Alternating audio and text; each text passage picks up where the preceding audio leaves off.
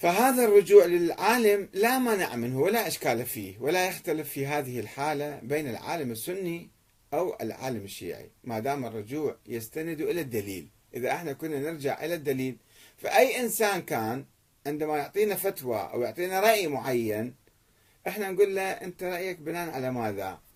إذا أعطانا الدليل ناخذه. سواء كان سني أو كان شيعي ما يختلف الأمر. فإذا هنا تقليد الواعي هو ليس التقليد التبعية أو الرجوع أو خلينا نسميه استشارة العالم بوعي وليس التقليد الأعمى. فهذا ما يختلف فيه لا سني ولا شيعي. فممكن الشيعي يقلد السني أو يتبع أو يستشير السني والسني يستشير العالم الشيعي. وكثير من العلماء كاتبين كتب في بعض المسائل المعمقة وعلم آراء. من نقرأ الرأي نشوف هذا رأي محترم. ما ننظر إلى هوية الطائفية لذاك العالم. أما الرجوع في مسائل الطهارة والنجاسة والصلاة والصوم هذه مسألة واضحة وبديهية ما تحتاج رجوع إلى أي أحد أصلا فيها ولا خلاف كبيرا فيها وإنما الرجوع في المسائل الوطنية والسياسية. هذه محل الابتلاء أن الأمة تمر ب الآن مثلا قضية فلسطين قضية القدس. ماذا نفعل في قضية القدس؟ نتظاهر أو نسكت أو نروح نقاتل أو نروح نقوم عمل دبلوماسي؟ في آراء عديدة والأمة فيها تيارات عديدة ونظرات عديدة لمقاومة الهيمنة الاستعمارية الأمريكية والصهيونية مثلا أو المستعمرون الذين يحتلون بلادنا أو الذين يسرقون ثرواتنا وينهبون بلادنا. ماذا نفعل تجاههم؟ هذه هي المسائل الحساسة المهمة اللي نحتاج إلى قائد يعني يرشدنا فيها. مو ذاك اللي يعرف مسائل الطهارة والنجاسة هذا ما يقدر يكون لك رأي.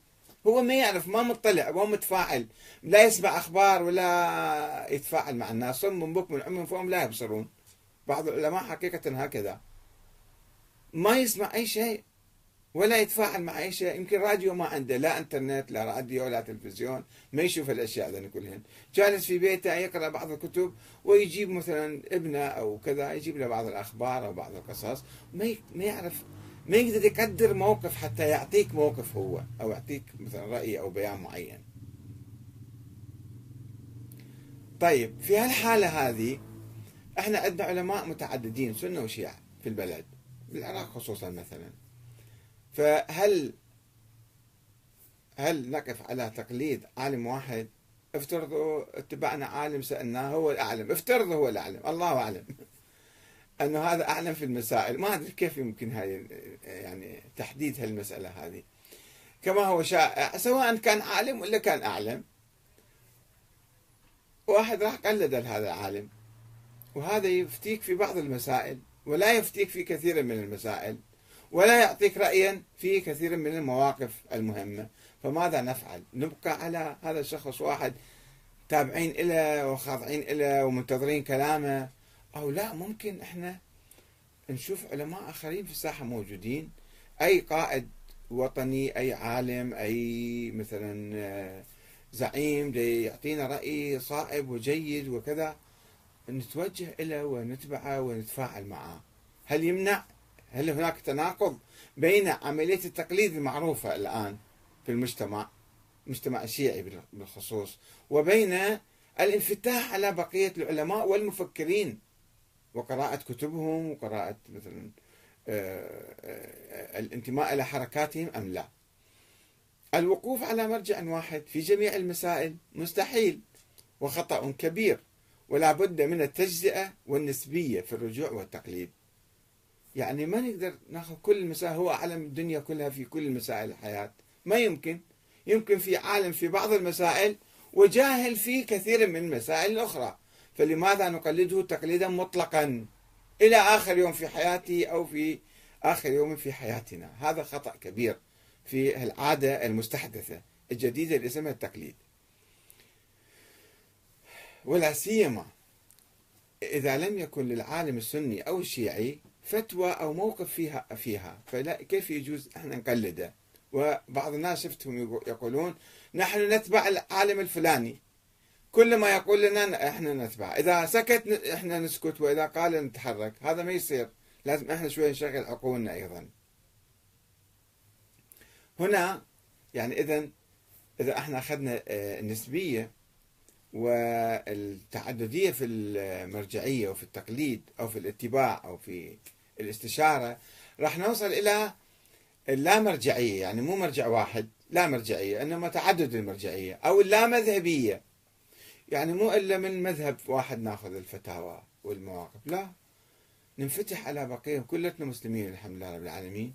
وأي واحد عالم عنده رأي عنده موقف عنده كذا إحنا نتبعه ونأيده وندعمه. اللامذهبية واللامرجعيه طريقنا نحو الوحدة الإسلامية والوطنية. أه وبهذه الطريقة نحن نقوم بتذويب وهدم الجدران الطائفية. وفي نفس الوقت نحن نقدر ونحترم جميع العلماء بلا تفريق بين سني وشيعي. أي عالم شفنا عنده موقف حكيم موقف آه، إنساني موقف مع الفقراء والمساكين موقف ضد المستعمرين والمحتلين موقف ضد السراق والنهاب إحنا نأيده سواء نأيده في المؤسسات الدستورية عنده حزب ننتمي إلى حزبه عنده انتخابات ننتخب قائمته مثلا أو ننتخب ننتخبه له أو جالس هو في بيته إحنا نروح إحنا نستشيره ونستلهم من عنده الهداية في الحياة. فما عندنا تفريق بين العلماء. يجب أن لا نفرق نحترم جميع العلماء. مثلا مثلا على سبيل المثال أقول رجوع السنة إلى المرجع الشيعي السيستاني مثلا في موقفه من الدستور.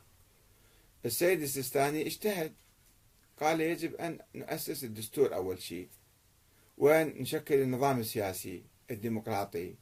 واجتهد أيضا قال يجب أن نحافظ على الوحدة الوطنية وما نخلي الفتنة الطائفية تصير.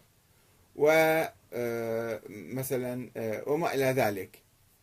ومقاومة الإرهاب والدواعش طفتوى عليها. هذه الفتوى ما تخص الشيعة تخص كل العراقيين تخص كل المسلمين الذين يعانون والوطنيين الذين يعانون من إرهاب داعش.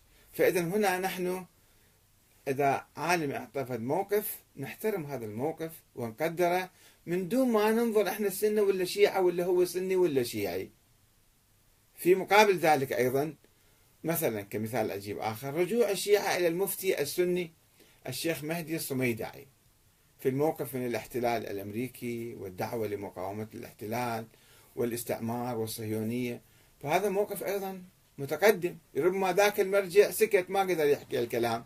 هذا دي يتكلم فإذا نحن نأيد هذا الإنسان ونتبعه ونقدره ونستشيره في هذه الأمور. يعني حتى لا تكون هناك اصطفاف طائفي حول المراجع. لا خلينا نكون كل العلماء نشوف كل واحد عمله ورأيه وموقفه. صحيح نتبعه. ما عنده موقف نعيفه نتركه. فإذا ما الذي يمنع الشيعي من الرجوع للصميدعي مثلا؟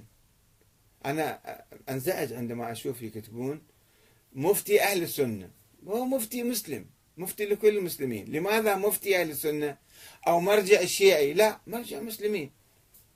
فخلي نكون هالألقاب والتحديدات نحذفها من العناوين. ننظر للعالم هذا عالم إسلامي. إذا عنده رأي إحنا نستشيره ونأخذ من رأيه. ورجال تائب مثلا وراح دارس وكذا.